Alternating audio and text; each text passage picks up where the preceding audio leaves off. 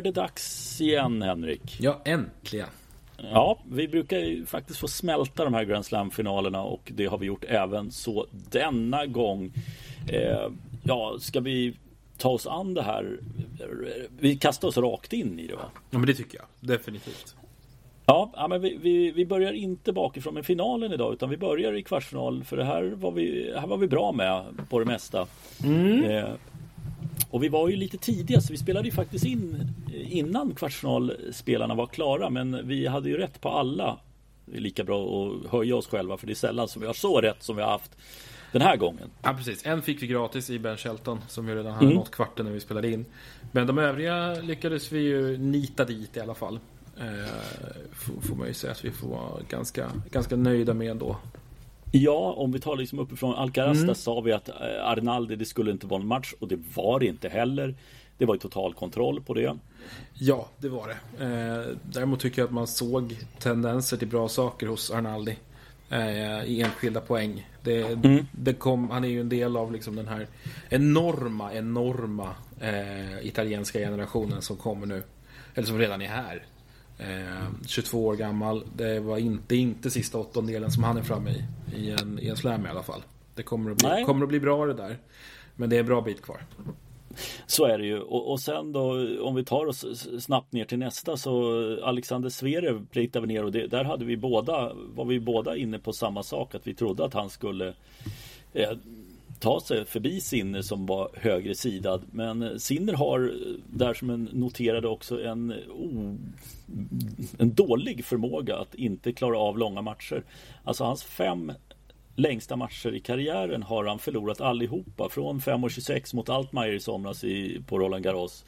Och det här var den tredje längsta han spelade, förlorade. Så att det, det, det är ingen bra tendens det att inte klara av de här eh, långa matcherna. Nej, och det tror jag vi kan härleda till hans lite oförmåga att, att variera intensitet och liksom plocka fram den här, den här liksom orimliga nivån som, som vissa spelare som, som har liksom hans grundspel kan, kan göra.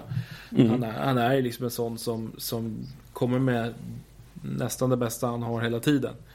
Eh, och det är ju en jäkel på att, att fäkta av liksom sämre motstånd. Men eh, sen när det steppas upp mot liksom de allra, allra, allra bästa som är i, i den allra, allra bästa formen. Då, då har han liksom ingenting. Eh, och det är, det är, det är så nära hela tiden. Men det är lilla, lilla extra. En, liksom, en litet stråk av, av liksom vinnarinstinkt eller elakhet eller vad man nu vill kalla det. det. Det är någonting där som saknas hos honom. Ja, eh, men fortfarande ung som, eh, och italiensk kommer, kommer nå fler kvartsfinaler och säkerligen djupare också. Men Zverev i alla fall vidare. Imponerande av honom igen då att ta sig till en semifinal. Eh, Danil Medvedev mm. hade lite problem med Deminaur. Jag tyckte att vi var inne på det lite grann också. Att han kan kanske göra lite grann men Medvedev är för bra. Och här var det det som var inne på också. Jag tryckte på det också. Han har smugit med och det gjorde han här också tappar första set men sen är det ju total kontroll på allting. Ja, verkligen. Eh, som du säger, efter första set så är, det, så är det ju i det närmaste en cross. Då gör han det ju hur bra som helst med det. Eh, så att på det hela taget var det ju verkligen inget, inget snack om det. Eh, han, han tappar ju även ett set mot O'Connell i andra rundan. Det är lite på mm. samma sätt egentligen. Där är det liksom som att han, han liksom går ner i varv en liten stund och sen så vinner han i de övriga med 6-2, 6-2, 6-2. Mm. Så, att, så att det är lite samma tendens. Eh, och i kvarten fick han eh, sällskap av sin landsman som eh, efter Jack Drapers fina insats här i, i, i, New York så räckte han inte till mot Rublev. Inte överraskande heller. Där är Rublev för mycket maskin för att Draper skulle kunna liksom rucka honom ur det. Han är, han är inte tillräckligt bra för att få honom ur balans under någon längre tid. Nej, precis. Men, men ett, ändå ett kvitto på att Draper blir att räkna med fortsättningsvis. Eh, och, och liksom en, eh, väldigt tydligt besked på att, att, han är tillbaka efter alla sina skadeproblem. Eh, mm såg vi under efter Davis Cup här nu också att han verkar vara, var bra drag i bilen där med Andy Murray. en underbar viral grej som, ja, har ni inte sett den så leta upp den när Jack Draper och blir skjutsad av Andy Murray hem på natten efter Davis Cup avancemanget. Ja, är fullkomligt lysande. en av dem ja, i alla fall. Ja, precis, en av dem. Eh, vi går neråt då så hade vi ju den eh, riktiga skrällen Rinky Hijikata från Australien och Francis Tiafoe. Tiafoe spisar ju av honom hur enkelt som helst och jag vet inte. Ja, jag vet inte ens vad vi behöver säga där. Det var så en enorm klasskillnad. Det var så tydligt att, att Hijikata verkligen inte hade mycket där att göra. Ja, nej men precis och, och motståndet där, det var ju klart redan med Shelton så den har vi redan avhandlat. Eh, Taylor Fritz slår stricker i tre raka, inte heller någon Nej, det är så svårt att säga någonting om det här för det var liksom ingen spänning i det här.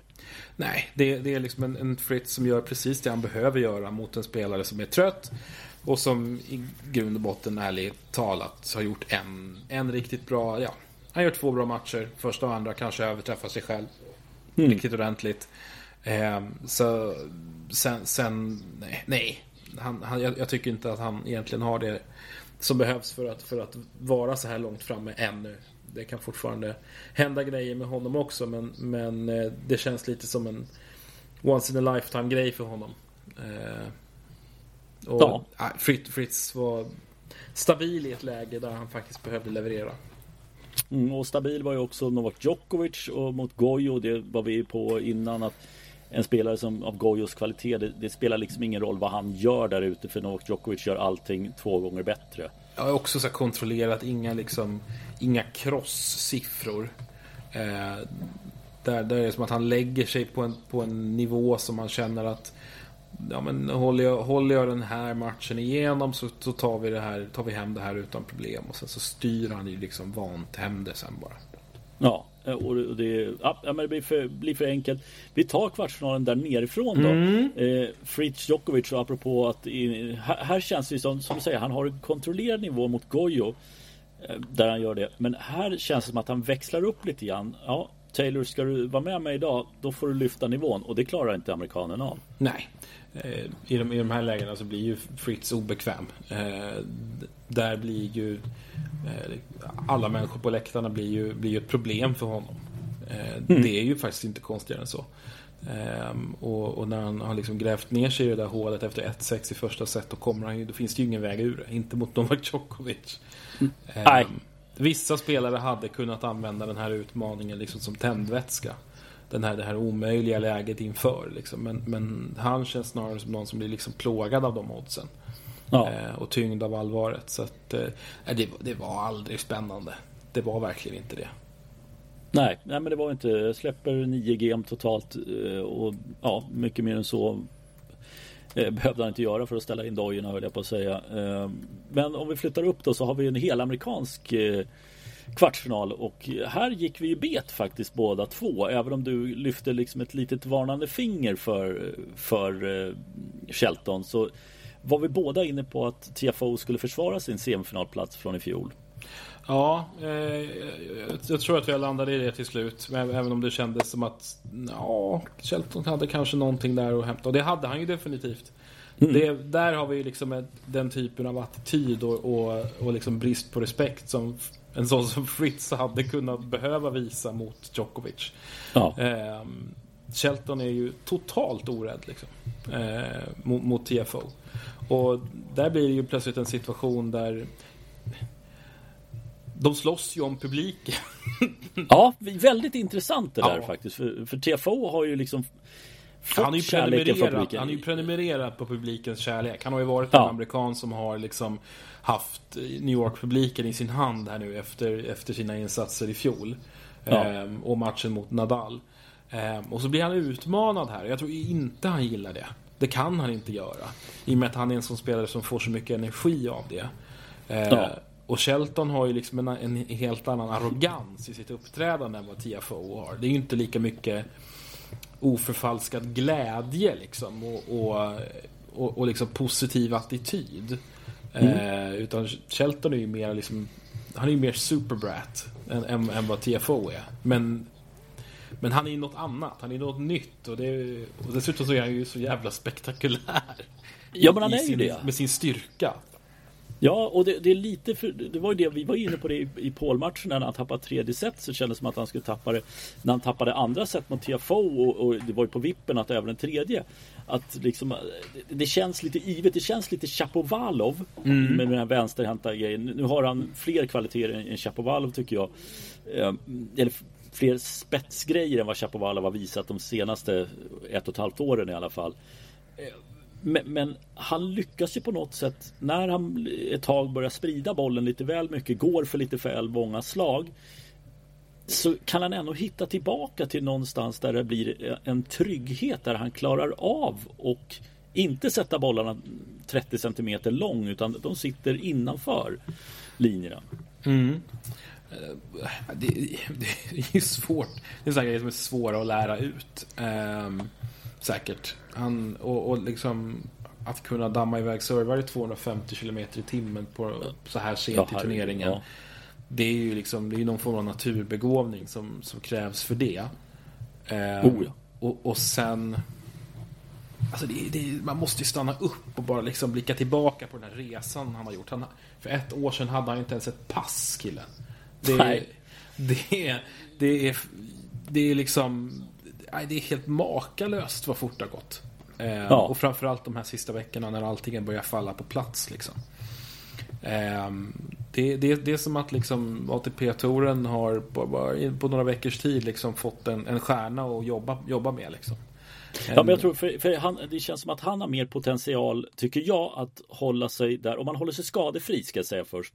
Eh, men vi jämför med, med Eubanks som inte klarade av att leva upp efter Wimbledon och, och Mallorca-tävlingen också för, för all del att ja, det, det, kanske blev honom lite övermäktigt men den här killen känns det som att han är med på det här. Han är med på det här. Han kommer ju få igång publik var han än kommer. Jo, alltså Ja, och skillnaden mellan Eubanks och Shelton är ju att Alltså jag lyssnade på lite poddar och så med, med Eubanks efteråt och han var så fruktansvärt ödmjuk och det var som att han hade aldrig trott att det här skulle komma till honom. Han, han, var, han var ändå så pass krass och liksom mm. ödmjuk inför sin egen förmåga att, att det här ska ju egentligen inte hända mig. Så här, så här jag, jag drömmer, det här händer inte mig. Men, men någonstans så tror jag att, att Shelton i motsats till honom tycker att det här är rimligt. Mm. Här ska jag vara. Jag är mm. så här bra. Eh, de andra ska bara passa sig jävligt noga nu. Eh, mm. Och, och, det är väl lite grann en sån attityd om man använder den rätt som gör att man kan bli långvarig på den här nivån. Och jag tror att för, för Toren så är den här killen, han är ju guld. Alltså det här, ja. är, det här är ju eh, om han håller sig frisk så, så han, han fyller ju en lucka efter en sån som Kyrgios. 100%. Ja, men det gör han eh. absolut. Och, och, och, det är en amerikan, vilket jag tror också för att väcka den publiken. Även om vi har Tiafoe, vi har Fritz. Men det här är ju en kille som kan kan liksom få folk att sätta sig och titta på tennis eh, rätt brett skulle jag kunna tänka mig, eller bredare än idag. Jo men alltså när, ja det är väl bara backa. Alltså när hade vi en amerikan som man, som man liksom såg fram emot att se på en tennisbana? Ja men då får vi backa för mig är ju så här Andre Agassi. Ja. Och så, annars och, finns det lite så småkul filurer, typ Taylor Dent kunde vara lite rolig. Ja, eh. ja men, det, men, men det var ju aldrig så att han Ja men, ja, men alltså Taylor Dent och du hade James Blake var inte ja, heller James, så James Blake. På. James Blake får man, men, men det är också för att man, man tycker så mycket om honom. Att han, att han är så mm. oerhört sympatisk och en fin människa liksom. Men, men det, här är ju 100% underhållning. Ja. Eh, och, och det det ska bli väldigt spännande att följa det här. Det, det, det, måste jag säga. Det är någonting med den här killen som fascinerar mig oerhört. Jag tycker om den här resan och, och eh, kan uppskatta liksom arrogansen i och med att han gör det till att, han har, att det är en sån tillgång för honom. Ja men verkligen. Eh, ska vi säga också apropå det så var det första gången på 18 år som vi hade tre amerikaner i kvartsfinal. Det var 2005 senast. Vi har nämnt två av kvartsfinalisterna i Agassi och Blake. Du kan inte gissa vem den tredje är va? Kan det möjligtvis vara Andy Roddick? Nej, det var det inte. Robbie Ginepri. Ja, det var då Ginepri var framme. ja, precis. Sjuka jäveln. Ja, i semifinal. Uh, otroligt. Där kan vi snacka uh, one hit wonder ändå. Ja, verkligen. Uh, men, men kul liksom att amerikansk tennis är på väg tillbaka. För det, det känns som att det, det, behövs även på den kontinenten att det finns eh, några stjärnor och då som sagt Tiafoe på väg upp och Fritz är där uppe men att du har någon lysande stjärna också utöver Tiafoe. Ja, och det kommer ju, det kommer ju faktiskt fler. Vi har, vi har ju Korda som ligger och liksom eh, skvalpar precis bakom. Mm. Eh, och, och, som vi ju inte har gett upp om ännu. Nej. Eh, får man väl ändå säga. Och Eubanks, om han skulle liksom klara av att etablera sig högre upp, är en, ganska underhållande spelare också. Jag tror inte att han har riktigt topp 10 kvaliteter som jag ser det i alla fall. Eh, nej, där, där är, vi, är, vi väl kanske inte riktigt. Sen har vi ju eh, Alex Michelson också. Eh, mm, just det. 19-åringen mm. som ju servar som en häst sparkar också mer liksom typisk amerikansk i sin framtoning. Uh, han har ju också gått som en raket bara i år. Mm. Uh, och står ju också inför någon slags genombrott. Så att det, det, finns, det finns potential. Och så får vi inte glömma Tommy Paul heller. Som ju är, Nej, liksom, som är den liksom mest anonyma topp 20-spelaren vi har. Uh, men ju har förtjänat sin plats verkligen. Mm, och så är det två killar som är helt utslag. En, en som har varit skadad jättelänge som får se hur han, han ska väl smyga igång lite. Riley Opelka som varit borta. Mm. Eh, och även Maxim Cressy som haft ett bedrövligt år. Nu vann han väl en Challenger här i förra veckan var det väl. Eh, så han i alla fall fick vinna en match. Så att det finns en del som bubblar i amerikansk tennis. Vilket är bra för touren och ja, för oss också höll jag på att säga. Ja. Eh, på andra sidan spektrat, och flyttar vi upp så eh, har vi ju ett då möte mellan Medvedev och Rublev igen och mm. ja vad var det, är det sjunde eller åttonde kvartsfinalen för Rublev? Åttonde tror jag det är. Eh, mm. Ingen som har förlorat sina första åtta kvartsfinaler eh, i eh, Grand Slam sammanhang va?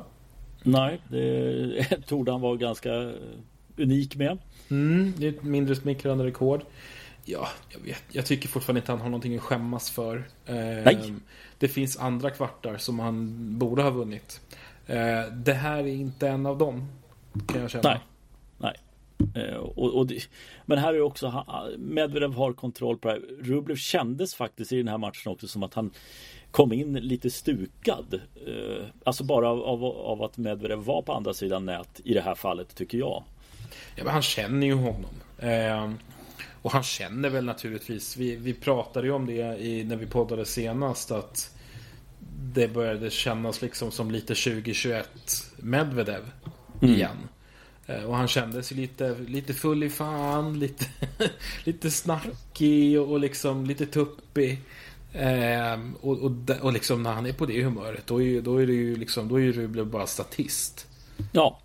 Eh, ja men det, det är ju faktiskt så. Det, och det, det ja. han, kan, han mäktar inte med att ta ett set utan Medvedev har allt allt på rätt sätt, på rätt plats och i rätt state of mind. Ja, inget att snacka om. Sen kom vi upp till en match där jag trodde det skulle bli tuffare faktiskt eh, i den här matchen. Men jag får lite grann, vi hade väl egentligen samma grej i Franska öppna ja. när eh, Zverev vann den matchen och så blev ordentligt tillplattad i semifinalen. Ja, typ identiskt. Um, här kommer han ju från en tuff femsetare. Um, och fortsätter envis hävda att han, han tar sig framåt steg för steg. Han är ja. lite närmare den här gången eh, än han var i franska. Så att eh, det, det, fortsätter att se bättre och bättre ut för, för Alexander Zverev. Men det är långt kvar till, till, till den nivå han var innan eh, han började gå sönder. Ja, eller vad ska man säga, det kanske inte, det, eller det är långt kvar till de tre framför honom. Ja, alltså, precis. Kan man säga så då? Att de har ju nästan blivit nästan blivit bättre. Alltså ja. Medvedev, Djokovic och Alcaraz är ju framförallt Medvedev och, och ja, framförallt Alcaraz är, är, ju på en helt annan planet jämfört med när, när Zverev pajade. Mm. Eh, Djokovic är väl ungefär på samma plats. Eh, och, och Medvedev, ja nu är han väl ungefär tillbaka där. Men avståndet dit är ju väldigt, väldigt mycket längre än, än det är liksom upp till Rud och Rune och Sinner ja. och Sitsipas. Liksom. Ja. ja, men eller hur? Alltså det, det är verkligen. Eh, så att Ja, det förvånade som sagt att det blev så pass stora siffror men att Alcaraz skulle vinna det var vi helt överens om. Sen kom faktiskt den matchen där vi var oense ja. om, om Det var, var väl i stort sett den enda matchen under hela hela det här som vi var oense om. Jag tror det. Eh, jag skulle ju bara ha lyssnat på dig, för du hade ju rätt. ja, eh, ja, men någon gång, även en blind höna kan göra det där. Men, och, och där är lite, och Alcaraz var ju väldigt, i semifinalen efteråt, han var ju väldigt öppen med att ja, men det här är bara tillbaka, sätta mig och lära mig av den här förlusten för att jag är långt ifrån färdig. Ja, och Alltså det, det, det är väl klart, han, han har ju inte mött Medvedev så här långt fram när han varit i den här formen. Nej. Eh, och det är väldigt speciellt med det sättet som han spelar. För att han spelar ju inte bara på toppen av sin förmåga. Han, han spelar ju också liksom... Han tar ju till grunden där konstigt spel och gör det ju ännu konstigare. Ja. Det, kräv, det kräver ju sin man att bara, bara att möta honom taktiskt. Ja. Eh, och, och, det blir, och där känns det ju som att Alcaraz är den som Han fiskar upp allting. Men här möter han ju spelare som är likadan Som har en ännu mer djupare position emellanåt i banan också Som är jag, han, jag tror inte han blev riktigt klok på vad han skulle göra där ute. Nej, jag, jag kände lite, lite samma sak att, att att han, att han saknade liksom Han hade behövt mer tid på sig att, att, att fundera ut vad det var han skulle hitta på. Eh, Och jag tror inte han han hade behövt komma in i den här turneringen i ännu bättre form Än mm. vad han nu gjorde Han hade behövt vara på ungefär på den platsen som han var i liksom i Ja, i, ja men i, ja, i Wimbledon Eller i, mm. i franska eh, Jag upplever att han är ju generellt sett inte riktigt lika elektrisk liksom, i formmässigt som han var då. Nej. Eh, Möjligtvis att den där Cincinnati-finalen också eh, kan ha tagit lite grann på. Så är det mycket möjligt. Den, ja, absolut, absolut. Eh, så att, men, men Medvedev, det, det, är bara att det är otroligt häftigt. Men här var det också, här pratade du och jag lite grann och det, det var faktiskt, du, du sa en väldigt smart sak där. Skulle vilja se Medvedev på en liten bana när han mm. inte har det här utrymmet. Ja, det var Jonas Björkman som var inne på det också. Eller framförallt i, i, i sändningen att, att det, det, känns ju verkligen som att alltså, så som Medvedev, hans, hans, hans returposition har ju varit djupare än någonsin mm. i den här turneringen. Ehm, och de allra flesta slår, slår ju en liksom de slår ju inte ett fullt slag när man, när man returnerar. Ehm, men det gör ju Medvedev. Som ja. typ... Är det någon annan på touren som gör så ens? Nej, jag tänkte alltså någon som har en djup position. Wawrinka kan väl ha en ja, riktigt team, djup position. Team också. Kan, ja, kan, team ju också. Vara, kan ju vara lite grann åt det där hållet. Men ingen av dem, alltså Medvedev spelar ju flackare än vad de två gör. Han spelar ja. ju nästan liksom lite som Bautista Gutt med liksom underskruv.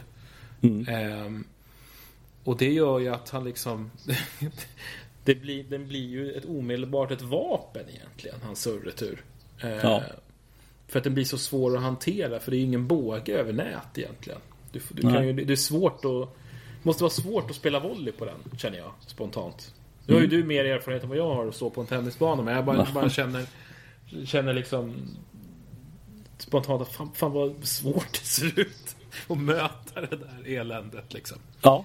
Ja men det, det, det, ja, men det, det är ju någonting just det, det blir ju det också i och med att han bryter ett mönster från så många andra för de andra, precis som du säger, de går att läsa. Sen kan man ha en bra eller dålig dag när man möter dem.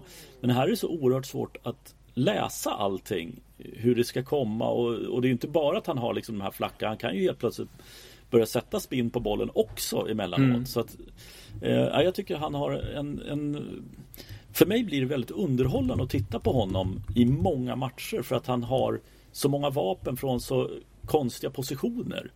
Ja, alltså det är så oortodoxt, det är så hemvävt liksom. Ja. Eh, det han gör.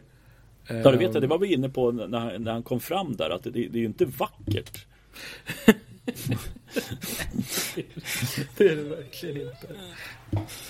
Men, men, men det, det, går ju rätt och han tog sig till final där. Och om vi ja, om vi flyttar ner då och tar Shelton Djokovic. Mm. Eh, där, där, är det ju, jag tycker inte det är något snack om saken utan det är ju eh, jag, jag, får ju också känslan, det blev ju så mycket surr om den här grejen när Djokovic gör, snor ur Sheltons eh, Ja snor hans grej efter vinsten.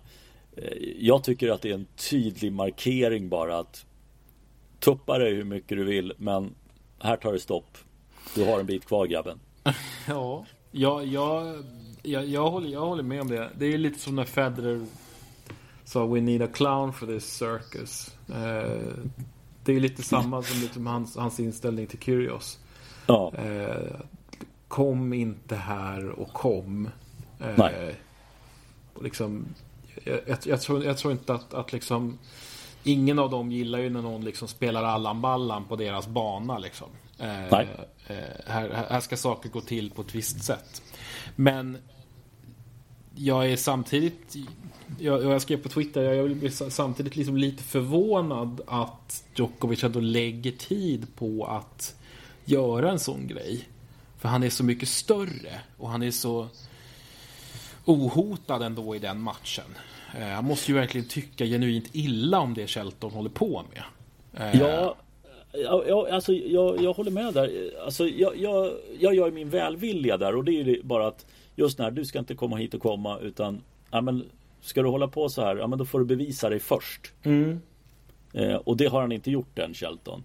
Eh, och sen har han, ja men visst är det det här eh, collegemässiga som han eh, Som också kom fram efter att ja, men han Man är så här mer på coll- i college-spel att det är liksom Ja. jaga tag i publiken och så Ja men absolut Men, men då, då är det lite också, men ger du in i leken får du leken tåla också det, det är, Sen, sen har jag, din poäng är ju faktiskt också att och det är det, om jag liksom gör en lite mer så håller jag med dig att varför lägger han tid på det här? Men jag tror bara, bara en ren markering att det här, det, det här är min bana. Mm. När, du, när du har slagit mig två gånger i slamsammanhang och vunnit en titel. Okej, då gör jag ingenting. Men det här är din första semifinal. Du, Vet din plats. Liksom. Ja, men lite så faktiskt. Ja. Jag, jag tycker att Jag tycker att Djokovic får ju oförtjänt, oförtjänt mycket skit för, för allt möjligt. Det är klart att han kan få lite kritik för det här. Absolut, men jag tycker att det blir väldigt överdrivet eh, faktiskt mot honom hela tiden också.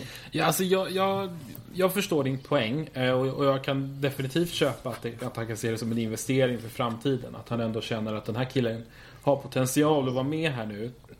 Men Låt oss plocka ner honom ett pinnhål så han inte blir ett problem riktigt än. Eh, men men ja, min invändning var liksom mer att han var ändå så överlägsen i den här matchen. Alltså, den här grabben var ändå inget hot. Låt han Nej. hålla på då. Låt han göra sin grej då. Eh, och visa vem det är som bestämmer och var bara iskall efteråt. Nu, nu var det liksom som att han fick en fribiljett in i Djokovic huvud istället. För att nästa gång de här två möts då kommer ju alla bara prata om den här gesten i alla fall. Ja, absolut. Och det har ju Djokovic sett till själv. Att det, Ja. att det är på det viset. Och då kommer nästa, nästa, nästa match att liksom få en helt annan inramning. Eh, oavsett hur tidigt i en turnering den inträffar. Ja. Eh, sen om det är ett störningsmoment för Djokovic. Eller. Shelton. Eller Shelton. Det återstår väl att se. Men, Mm. men det, det har ju potential att bli liksom en jobbigare match än det behöver vara för Novak. Ja, Eh, ja, men det, det, ska, och, och det är i så fall hans eget fel. Ja, ja men det har jag gjort. Sen, sen kan man tycka lite grann att Okej, nu när det var det där dagen efter eller dagarna efter det där Men så kommer den här jävla eh, QX-intervjun där både, både Ben och pappa Brian eh, fortsätter på den här grejen. Ja, där kan jag också känna att men släpp det nu. Vad fan. Ja, Du har liksom gjort ditt livs turnering. Ska du liksom fastna inte i det där nu. För jag, Nej, tror, precis. jag tror att Djokovic har gått vidare. Ja, det finns nog en, viss, en viss möjlighet till det. Eh, för vi tar oss till finalen och, och här var det ju Det här var vi väl egentligen båda inne på också att Djokovic skulle vinna finalen för att det här var någonting Han var redo för nummer 24 eh, och, och som han var redo för att Fy fan, ursäkta att jag svär, men som han spelade i stora delar. Ja, det var ett riktigt jäkla helgjutet uppträdande. Hela vägen. Ehm, det är i andra sätt där han ser lite trött ut. Ja. Men, ändå får hem. Och det är ju det som blir avgörandet. Det blir ju nyckel, nyckelsättet. Efter det finns det ju ingen väg tillbaka. Nej, nej men det, och det, det, nej, och jag, jag tror där, där var det också Medvedev att där kroknar nog både mentalt och ja, men spelmässigt, även om det liksom inte är någon jättenervikning så vet ju han också att nu ska jag vända på det här. Nu ska jag vända 0-2 i set mot Djokovic. Ja. ja. Och, och, det gör ju ingen när, när, när Djokovic är hel. Det, det händer ju inte. Nej. Och, och hade han vunnit det här andra sättet Ja, det hade kanske blivit en rejäl match det här. Jag tror nog att Djokovic hade vunnit det här ändå. Det tror jag också. Men det hade varit hans biljett att liksom överleva och kanske pusha det här mot en, mot en fem, fem set. Jag, jag kikar på en annan nyckelfaktor. Mm. Eh, det är ju någonting, vi, vi berömmer Medvedev för hans returer. Men det har börjat dyka upp ett problem med hans serv. Mm -hmm. Mm. Eh, ända sedan Wimbledon så har han eh, haft enorma problem. Eh, egentligen inte att få in första serven, men han slår en helvetisk massa dubbelfel. Aha. Mm. Så det här, är rätt, det här är rätt intressant. Alltså, tittar man på, från egentligen han kliver på den amerikanska hardcourten i augusti. Så snittar han eh, mellan 5,6 och 9,3 procent dubbelfel i en match. Ja. Ja. Och, All, det... och alla matcher ligger han alltså över sitt säsongssnitt. Det som han har utslaget nu över en ja. hela säsongen. Och det var bara betydligt lägre då innan han gick på eh, i Kanada i augusti. Så Då får, har... man nästan, eh, får man ju nästan känslan av att okej, okay, antingen har han lagt om servern eller så kan han ha något problem. För att det, det känns ju inte som att det där ska dyka upp bara sådär. För det, det är ju en anmärkningsvärd siffra som du plockar fram där. Ja, det, det är konstigt. Alltså det är, antingen så är det något problem han har. Eh, mm. Eh, eller så är det någon form av hang-up som han har. Ja, det kan det också vara. Men det, men det var en intressant siffra när jag började kika tillbaka på turneringarna innan US Open också. Ja. Eh, att, att, problemet liksom härstammar därifrån. Och det var, och det var inte, då, det verkligen som du säger, från när han klev på hardcourten i Nordamerika. Ja, för det var inget problem. Tittar man på Wimbledon, eh, där han ju ändå gjorde en alldeles, alldeles lysande turnering. Mm. Där, där, är han, där är han uppe på 5% då, mot Alcaraz. Eh, och, och, den matchen är ju liksom, den har ju nästan gett upp innan han ens har, har börjat. Annars, annars, ligger han mellan eh, 3,9 och 4,3 procent dubbelfel. Ja, ja det, det är en anmärkningsvärd siffra för då är det ju liksom, du dubblar ju det på, på den sämsta. Ja. Och det är, nej, det, är, det är högst anmärkningsvärt. Jag, jag, kan faktiskt plocka fram en annan siffra här som var mm. lite intressant också med, med, man tänker taktiskt här. 53 procent av bollarna var bara 0 till 4 slag. Mm. Eh, och den, de vann Djokovic eh, 63 mot 50. Mm. Och de mellan eh, rallysen där, där var det det var 22 procent på dem och där var Djokovic övertag 29-18. När vi kom till de här 9 plus långa duellerna Det var var fjärde boll eh, var över 9 slag. mm. 54 stycken. Där var det faktiskt Medvedev som hade ett litet övertag mot 28 Eh, och Djokovic 26. Men det måste ju varit en väldigt medvetet där av Djokovic att eh, korta ner duellerna. Jag tyckte man såg det när han sökte sig framåt nät, framförallt mm. i backenrutan. Det, det, det, är nog inte omöjligt att han liksom snarare drar nytta av, av returpositionen som Medvedev har då i så fall. Ja, precis. Att det, här var det någon som kunde hitta det och där kunde inte Medvedev riktigt parera det. Nej. Och, och, och där är det ju, för, han, för då, där är han ju inte framme. Alltså liksom han, han är ju inte... Nu har han ju sina långa kliv, men, men där kan han ju inte riktigt... Han är ju inte riktigt där i finliret som typ Alcaraz är. Eh, det här med stoppbollar och lobb till exempel. Mm. Eh, och, och liksom få voll, volleyslag och dö. Eh, där, där är ju inte Där är ju inte Medvedev riktigt. Eh, Nej.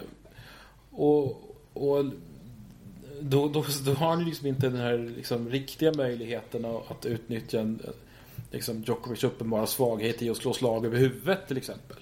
Nej. Eh, det behöver han ju aldrig göra mot Medvedev för han slår ju ändå så lågt. Eh, så att... Ja, men jag reagerar på det. De overhead som han fick mot Medvedev. de hade han inga problem med. Nej. Och, det, och det måste ha varit liksom, som du säger, att de är inte tillräckligt bra de där grejerna. Nej. Eller de, de höga bollarna. Jag tror nog det. Ehm, och att Medvedev i grunden kanske är en spelare som passar Djokovic lite bättre.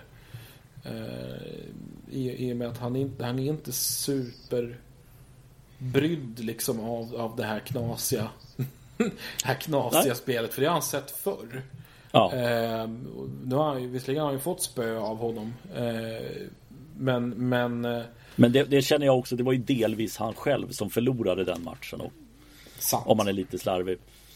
Eh, och det, det ska ingen skugga ska falla över Medvedev för han gjorde sitt jobb. Men, men Djokovic gjorde inte riktigt det han skulle göra den gången. Eh, Men det gjorde han nu. Ja. Eh, Och nu fick han vinna sin titel 24. Snyggt att ha nerpackade kläder för det tillfället också. Mm.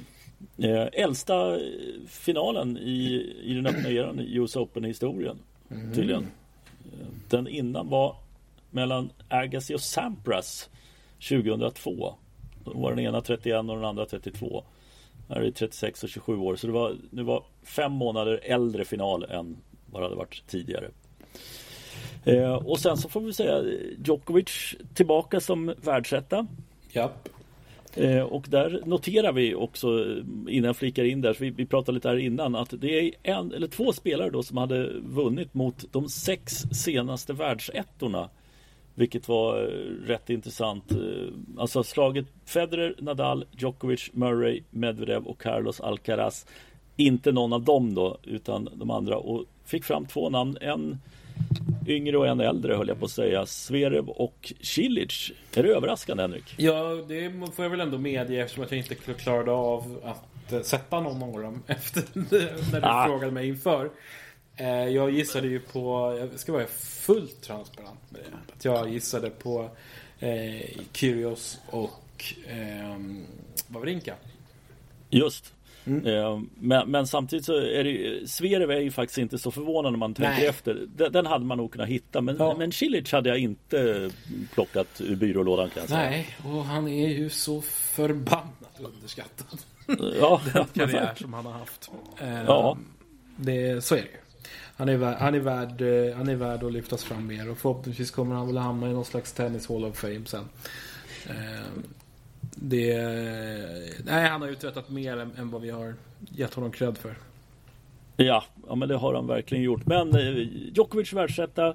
Vi stänger slamsäsongen för året. Eh, ska vi ta och halka över på någonting som Ja, jag vet inte fasiken vad det här är. Vi har bäsat en, en del eh, de senaste åren med viss rätta.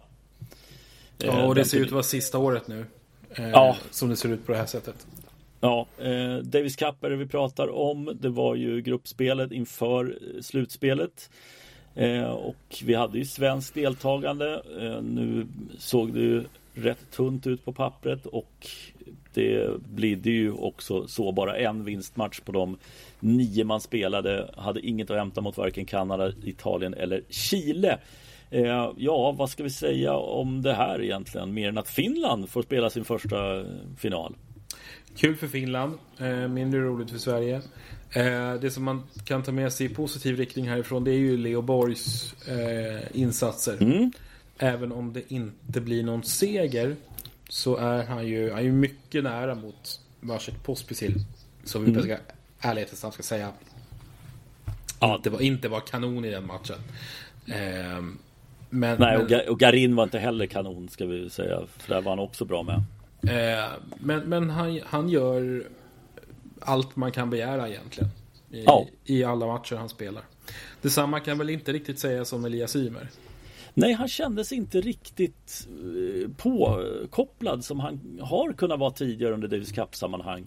Eh, han kändes ganska energifattig måste jag säga i, i de matcher som jag såg. Jag såg två av dem och, och, och det var Nej, det var tråkigt att se och sen vet jag inte om han har lagt till med, med något tics där att han skulle, när han hade vunnit en poäng skulle han fram och slå med racket på nätkanten. Eh, Sådana grejer brukar jag inte tycka är någon speciellt bra grej att lägga till med.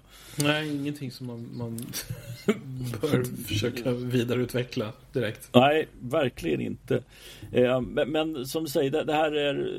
Vi, vi har 16 lag nu. Finalen ska spelas i slutet av november. Det är fyra wildcards. Det är alltså segraren och finalisten från i fjol och så är det Italien och Spanien som får varsitt wildcard. Det är väl Kanada, Italien, det är Storbritannien, Australien till final. Det är Tjeckien, Serbien och Finland, Nederländerna. Så ska mm. det vara. Och vi, vi ska väl passa på också att hylla Djokovic eh, för att han dyker upp och spelar Davis Cup direkt efter en US Open-titel också. Det ska vi göra, men vi ska ha i åtanke också varför han gör det. Och det är ju för att du måste ha spelat, det gäller både Billie Jean Cup och Davis Cup för att kunna få spela OS. Ah, så måste du ha representerat ditt land.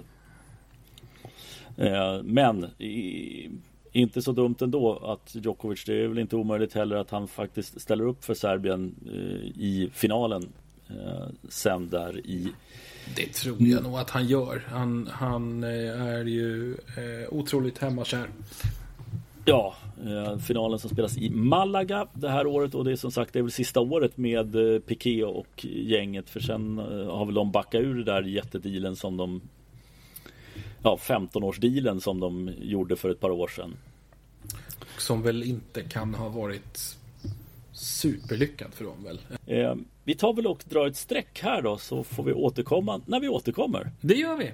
Hörs då. Hej! Hej!